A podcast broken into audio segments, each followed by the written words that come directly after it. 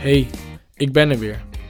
En nog veel belangrijker, wat fijn dat jij luistert. Vandaag begin ik even met de huishoudelijke mededeling. Deze zal ik, omdat dit werkt, aan het einde nogmaals kort herhalen. De komende vier dagen zal ik gewoon elke dag een podcast maken.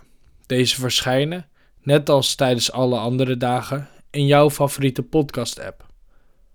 Ook zal er, behalve het veranderende getal achter de C, ook elke dag een woord aan de titel worden toegevoegd die het onderwerp beschrijft.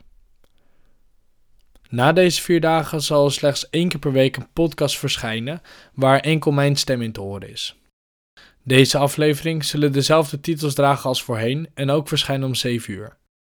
Dus na deze week, elke vrijdag om 7 uur. Het weekend is kruipend voorbij gevlogen.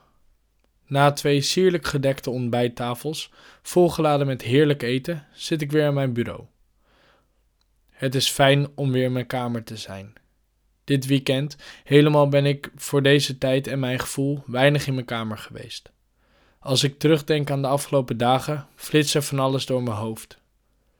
Kampvergaderingen, champagne met kaas in de zon, wijn met kaas in de zon, nog meer wijn en nog een beetje kaas.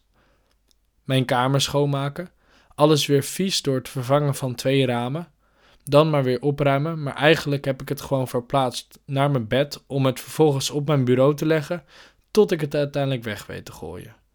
En als laatste was er vandaag een digitale bijeenkomst van contactwerk. Hier wil ik een kort stukje over maken, namelijk verbinden en verbinding. Contactwerk werkt met een aantal basisingrediënten. Samen in een kring, contact maken, knuffels geven en ontvangen, samen zingen en samen werken en verwerken.